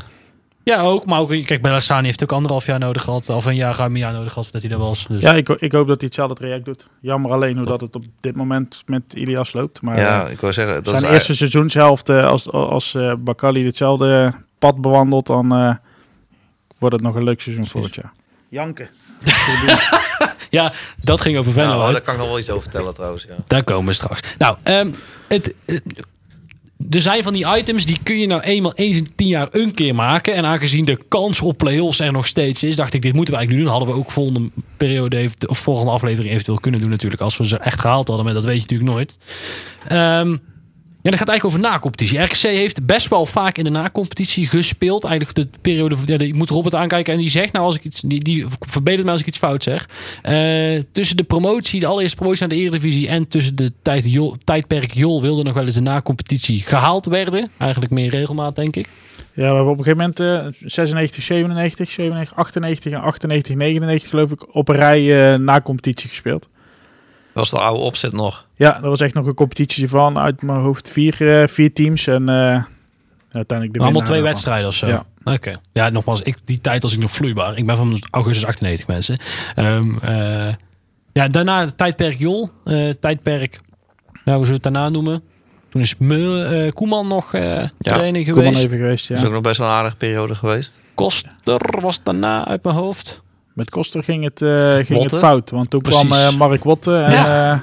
eh, Ik heb dus laatst hè, een, ehm, een brief gevonden, want ik moest mijn kamer opruimen. Een brief gevonden, want waarin staat van beste RKC'er, verleng nu alvast je seizoenskaart. On- we weten nog niet hoe het seizoen afloopt, bla bla bla. Getekend Mark Wotte. En toen dacht ik, ja, die moeten ze ergens een keer inlijsten, toch? Wat een tijd was dat. Ja, wat was dat met, eh, met die, eh, hoe heet die middenvelder? Die gaan ineens van Sparta. Obadai. eh, En- Anthony Obada, ja. Ja, Ja, ja. best wel aardig spelen. En, uh, en Sectui hadden we toen Sectoui is ja. toen in de winterstop gekomen Ja. om het tijd te doen keren. En eh Toen hadden ze een Belgische, Ricky van den Berg speelde toen Ah, eh, bij, eh, bij de club. en zijn Belgische keeper hadden we toen. Hoe heette die ook weer? Die knakker. Erik, eh, of eh, Erwin Lemmens. Ja, die ja. ja. Was dat niet, was 38ste keeper bij Barcelona geweest, toch? Hebben we ook niet zo een ooit gehad? Was, niet, was niet hij dat? Ja, ik weet niet of dat hij eh, bij Barça heeft gezeten. Volgens mij wel eh, bij Anderlecht of zo. eh. Nou, ik dacht dat we ooit een keer een Belgische keeper niet... Nou goed, zal wel. Nou goed, toen kwam eigenlijk een beetje de periodes met play-offs en de ups en downs en eh, waar we nu zijn. En dan is eigenlijk mijn vraag... eh, we hebben dus een aantal keren na competitie gespeeld. En toen ik dit lijstje ging opstellen, dacht ik... Oh, dat is leuk. Hè? We hebben op zich, ik, ik koester daar wel warme herinneringen aan. Die play-offs. Achteraf misschien. Nou, Tijdens de play-offs vond ik het vaak... het, zijn, het zijn wel over het algemeen spannende wedstrijden ja. Waar, iets, waar iets op het, eh, Spel staat, op het ja. spel staat. Ja, in alleen- plaats van eh, uitvoetballende potjes, zeg maar. En, Ja. en ik dacht, wij zijn echt de na-competitie tijgers. Dacht ik ook nog. Maar ik heb ze dus sinds sinds 2006, want dat, dat weet ik, heb ik ze allemaal even onder elkaar gezet. 2006, 2007 gedegradeerd. 2007, 2008 geen promotie. 2008, 2009 wel promotie. 1 uit 3. En 2011, 2012 geen Europees. 1 uit 4. Maar goed, kan gebeuren. 13, 14 degradatie. 16, 17 geen promotie. Dus dan lopen we al van 2 op 6 uit mijn hoofd. Eh, eh, goed. Nee, één op, ja. En eh, nou goed, dan hebben we nog die legendarische natuurlijk van een paar jaar geleden die goed afliep. Ehm, laat ik bij Bram beginnen. Welke staat je het beste bij?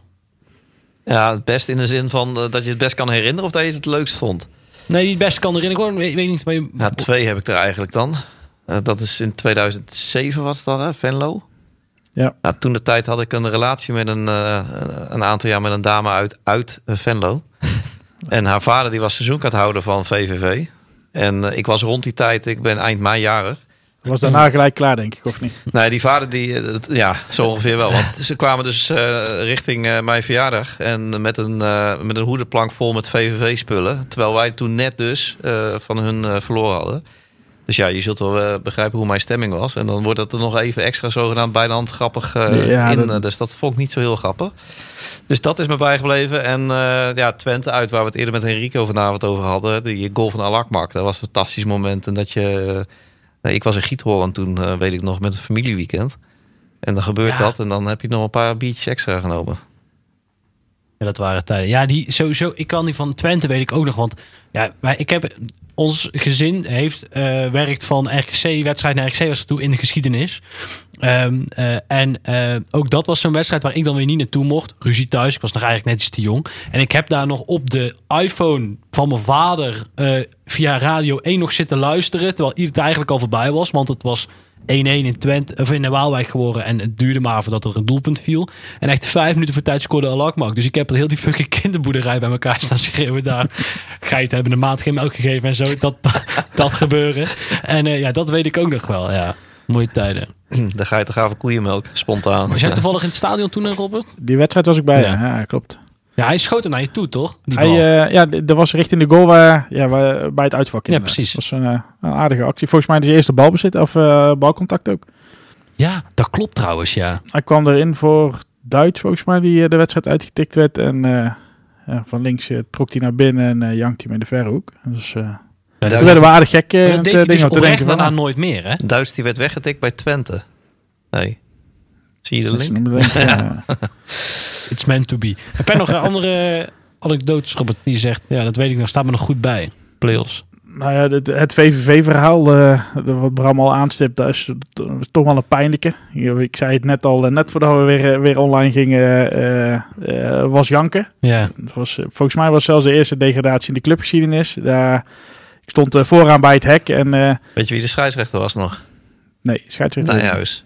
Was dat Nijhuis? Volgens mij was het Nijhuis. En wij kregen, voor, kregen- wij kregen, dacht ik, een penalty tegen.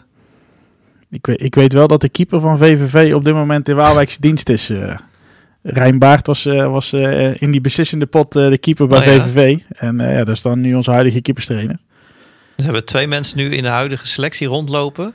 Die alle twee in een memorabele nacompetitiewedstrijd de tegenstander waren van RKC. Want Lelyveld natuurlijk. Ja, die, Oh ja. Die zet Ja. dan een mooi stapje opzij. ja, ja.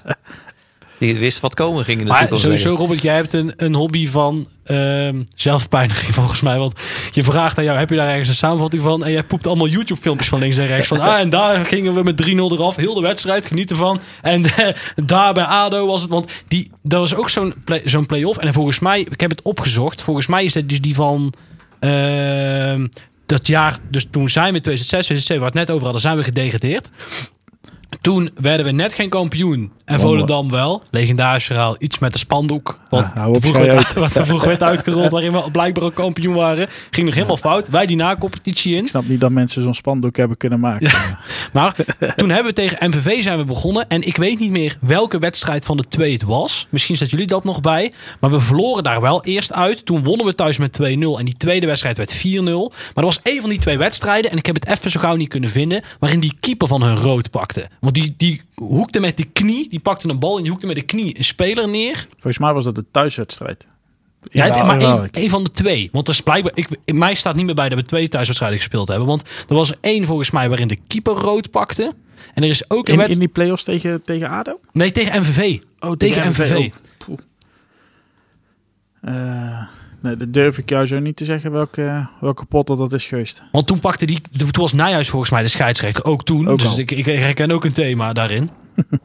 en er is ook een wedstrijd, volgens mij ook toen. En toen pakte iemand rood. Ik dacht dat Frank was, maar niet zeker. En dat ook Akkermans werd weggestuurd. Of het dezelfde wedstrijd? Mario Akkermans was toen eh, team, teammanager. teammanager. En die, werd toen ook, eh, die kreeg toen ook rood. In die, in die pot Eén tegen van- MVV. volgens mij wel, ja. Maar dat, dat, dat stuk daar is, eh, van de is reden voor staan we dat eh, nog bij.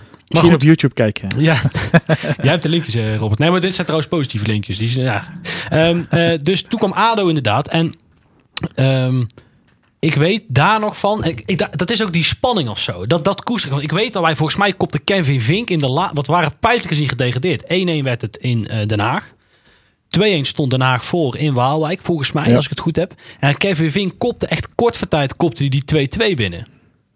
Weet je het nog? En toen hebben ze vervolgens heel het stadion kort en klein geslagen. Ja, daar gingen, toen kwamen ze zelfs vanuit de businessclub kwamen ze het veld overgerend om bij HH uiteindelijk weer het hek over te klimmen om daar weer mee aan de gang te gaan. Ja, ja. En toen werden de stoeltjes van alle kanten van het, eh, het huidige staafvak eh, eh, ook naar beneden gegooid. En dat ging alle kanten kwamen ze vandaan, de ADO-supporters.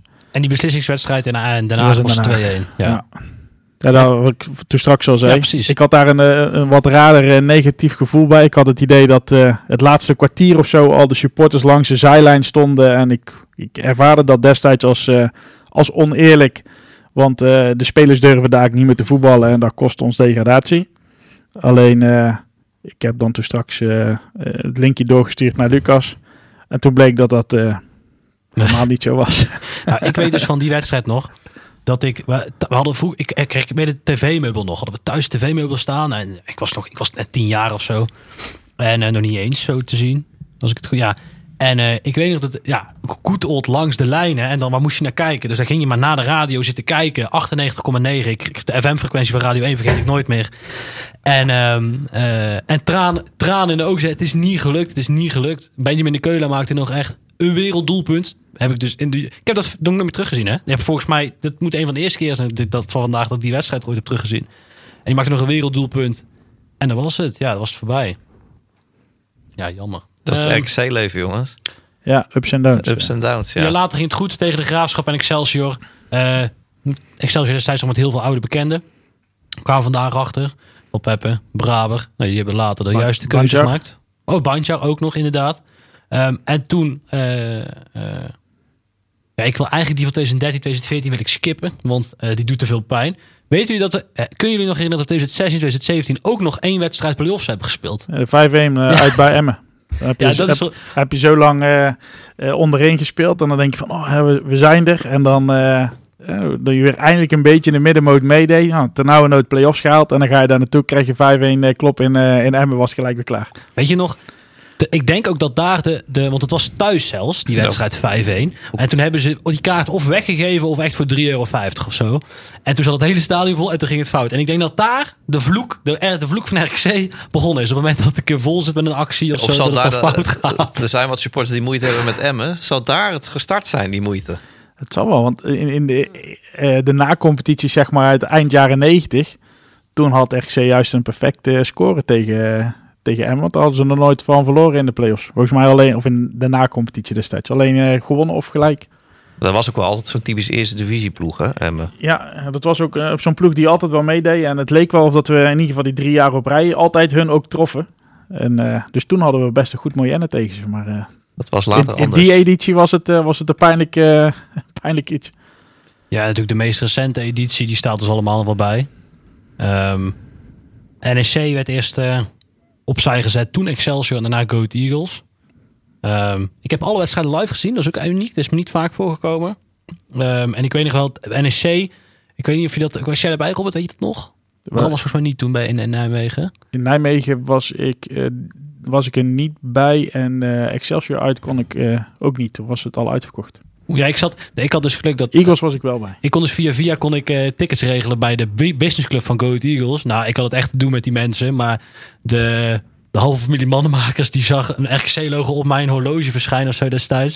Ze zei, oh, kom hier zitten. Weet je wel, dat verhaal. Maar ik denk, ik hou me koest, ik hou me koest. Maar dat was echt een vette wedstrijd. Maar ik weet nog, en het mooie van die play-offs is dat ik weet nog dat we bij NSC dat we daar weggingen en we waren echt weggespeeld daar. hè. Het is dat de scheidsrechter onterecht nog een doelpunt van Ferdi Druif, kennen we hem nog?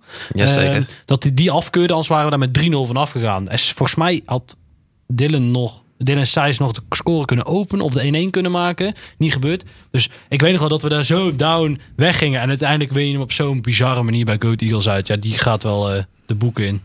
Het hangt soms van momentjes. De eh details, hè. Klein, ja. eh, juiste moment. eh, kan een hoop verschil Maar maken. Ja. ik denk ook dat dat het hem is. Kijk, natuurlijk, wij, wij koesteren er goede herinneringen aan. Maar dus zoals we het gehad hebben, stiekem nog wel meer slechte. Wat ik dus ook niet helemaal had verwacht. Maar het is toch, ja, ik weet niet. Het, het is toch een beetje de manier waarop ja, je, je voelt toch dat je leeft of zo. Misschien is dat het. Nou ja, ik krijg nu natuurlijk nog wel eens die vraag de laatste weken: van joh, wat vind je nou leuker eigenlijk? Dat jullie nu al veilig zijn en nou ja, los van Volendam leek het nergens op de weken daarvoor. Hè, dus dat je die spanning ook niet meer hebt. Of verlang je dan toch weer terug naar dan maar wat meer weer onderin spelen? Dat je echt tot het Nee. laatst nog ergens Nee. tegen voetbal. Echt geen seconde. nou ja, Heb ik dus wel? ook niet. Nee, nee. Ik heb vorig jaar tegen Heracles gejankt. Echt werkelijk waar. Die spa- eh, ik ben je het met me eens, Robert?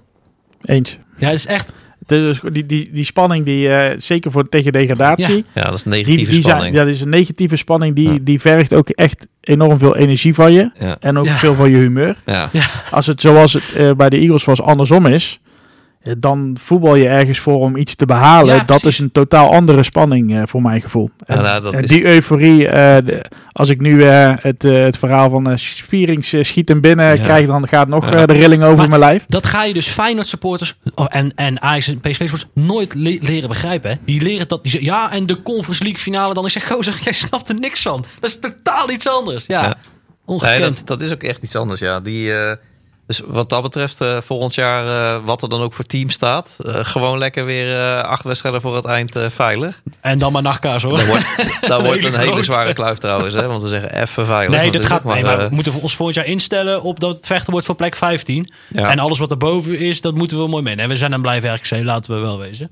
Ehm, er stond op vi.nl nog een mooi interview met Leo van Veen, Hogedorp en Petrovic van Chris Tempelman. Hey, kudo's naar, eh, naar hem. Het was een mooi, eh, was, was een mooi interview om ook om ze allemaal weer een keer te spreken.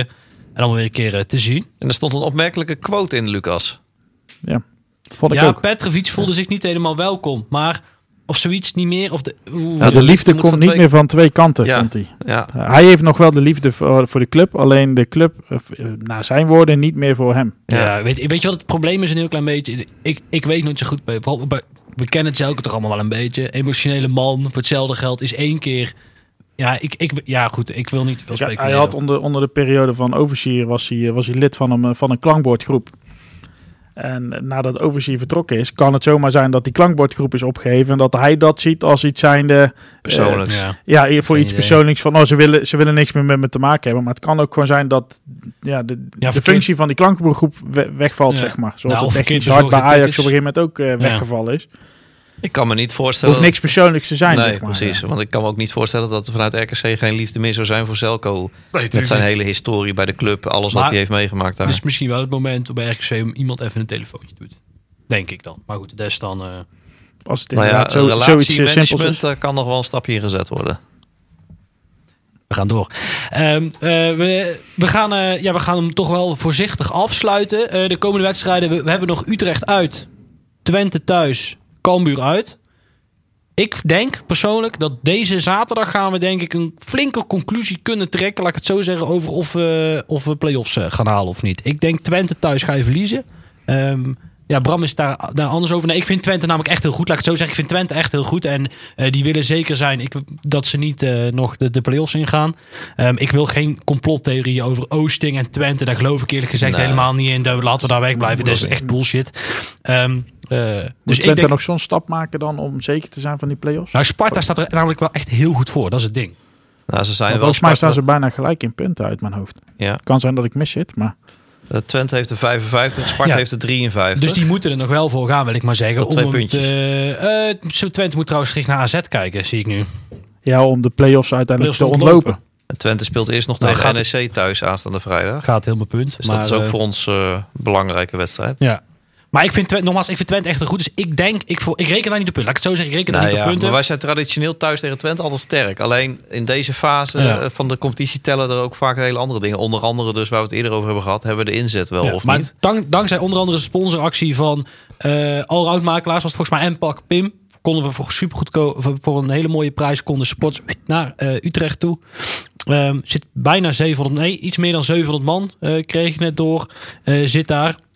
Wat gewoon voor RKC-begrippen bizar mooie getallen zijn. Eh, we hebben Feyenoord toevallig ook gehaald. Maar goed, dat is Feyenoord. Ehm, eh, eh, ja, dat, ja, laten we het daar dan voor doen. En ik denk als je daar wint en dan Cambuur wint. Ik, ik denk dat je nog zes punten nodig hebt, laat ik het zo zeggen. Zes punten heb je nodig. Win je bij Utrecht, win je bij Cambuur, dan, dan ben je er. En dan gaan we nog een heel mooi toetje van het seizoen krijgen, denk ik. Als praat ik onzin? Of? Nou, onzin niet. Ik weet alleen niet wat je... Ja, zes punten denk ik wel dat je nodig hebt. Alleen ik weet niet wat we die zomaar gaan halen. Ik denk, bij Cambuur daar... Als je die niet wint, dan verdien je het ook niet. Ja. Maar ik ben wel een beetje huiverig voor eh, Utrecht uit. Volgens mij hebben we daar st- eh, statistisch gezien ook niet het, eh, het beste Dat, Moyenne. nou, dat denk ik niet Utrecht uit. Dat is natuurlijk En, een grote club in onze... Ja, precies. Ogen. Dus om daar even te, win, te winnen... Nou, dat niet even te winnen, maar ik denk dat dat moet gebeuren. laat Ja, nou, dat, dat klopt. Als je, Dan- als je hem daar ook zeggen, niet wint, dan denk ik ook wel dat, dat je de droom... eh, Ik vind het lastig met alles wat we al besproken hebben. Het, het hangt zoveel af van de attitude, van hoe we, hoe we daar staan, willen we echt. En als we dat echt daar staan en we willen echt, kan je het Utrecht echt lastig maken. Want dat is ook echt geen topploeg dit seizoen. Hè? Maar in hoeverre als, als dat soort ploegen, eh, zoals als een Utrecht en Twente, wellicht dan met het oog op de play-offs ook die paar procent scherp te missen, Ja, dan kan er, eh, kan er iets mogelijk zijn. en Twente thuis zijn we traditioneel goed. Ja. Dus eh, Misschien willen ze daar juist iets laten zien vanwege de overstap om het enige zweem van eh, eh, belangenverstrengeling eh, weg te poetsen. ja, maar ja, je kunt ook Ja, denken, de Twente-spelers zijn extra fel. Want die willen alvast laten zien aan Oosting Ja, eh, eh, dat ze in de basis willen volgend jaar.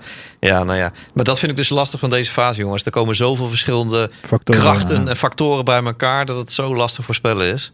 Maar we zijn met je eens, Lucas. Zes punten, dan eh denk hebben we ja. play-offs. Ja, dan eh rest mij niks anders dan Robert te bedanken dat je vandaag even in wilde springen. Tim beterschap te wensen. Bram weer bedankt. Dankjewel, Robert. ja, Mezelf bedankt. Ik denk dat ik het zelf maar. Ja, J- bedankt, jullie ook bedankt eh, mannen, dat ik Ik een wens, keer aan schuiven. De spelers, de club en eh, eh, heel veel succes de komende wedstrijden. We gaan ervoor en dan gaan we hopen voor een, een heel mooi einde. En bedankt voor het luisteren thuis, live en anders via de podcast-app. Tot de volgende. Houdoe! Houdoe. Bedankt voor het luisteren. Tot de volgende keer.